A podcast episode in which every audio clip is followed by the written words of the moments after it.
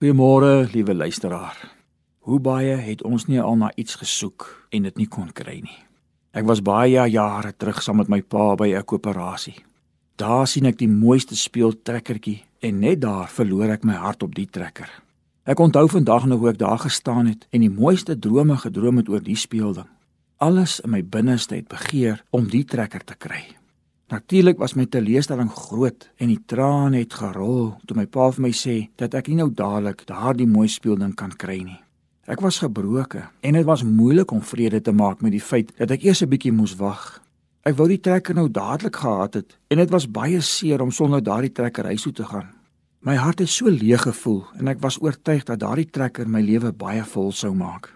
In Matteus 7 vers 8 lees ons: Want elkeen wat bid, ontvang en hy wat soek vind en vir hom wat klop sal oopgemaak word.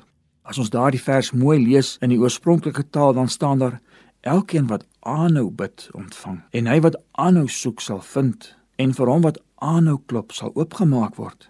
Ek het ook besef dat dit nie sou help om aan te hou vra en om aan te hou pleit by my pa nie. Sy ja was altyd ja en sy nee was altyd nee. Ons aardse vaders kan ons nie altyd gee wat ons begeer nie. Al sou ons onophoudelik vra en sobat. Maar dit is so lekker om te weet ons hemelse Vader weet wat ons nodig het. Ons kan met vrymoedigheid na hom toe gaan met al ons begeertes. Hy sê daar in Filippense 4:6 en 7: Laat julle begeertes in alles met gebed en smeking met danksegging bekend word by God.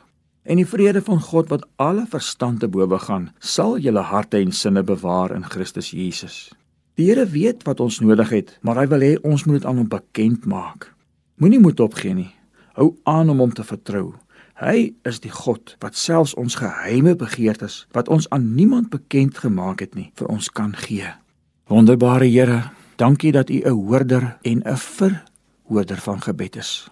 Selfs daardie gebede wat ons aan niemand bekend maak nie, selfs die gedagtes, die diepste begeertes van ons hart wat in die geheim in ons hart lê, U is in staat om dit te beantwoord. Ons aanbid U daarvoor in Jesus se naam. Amen.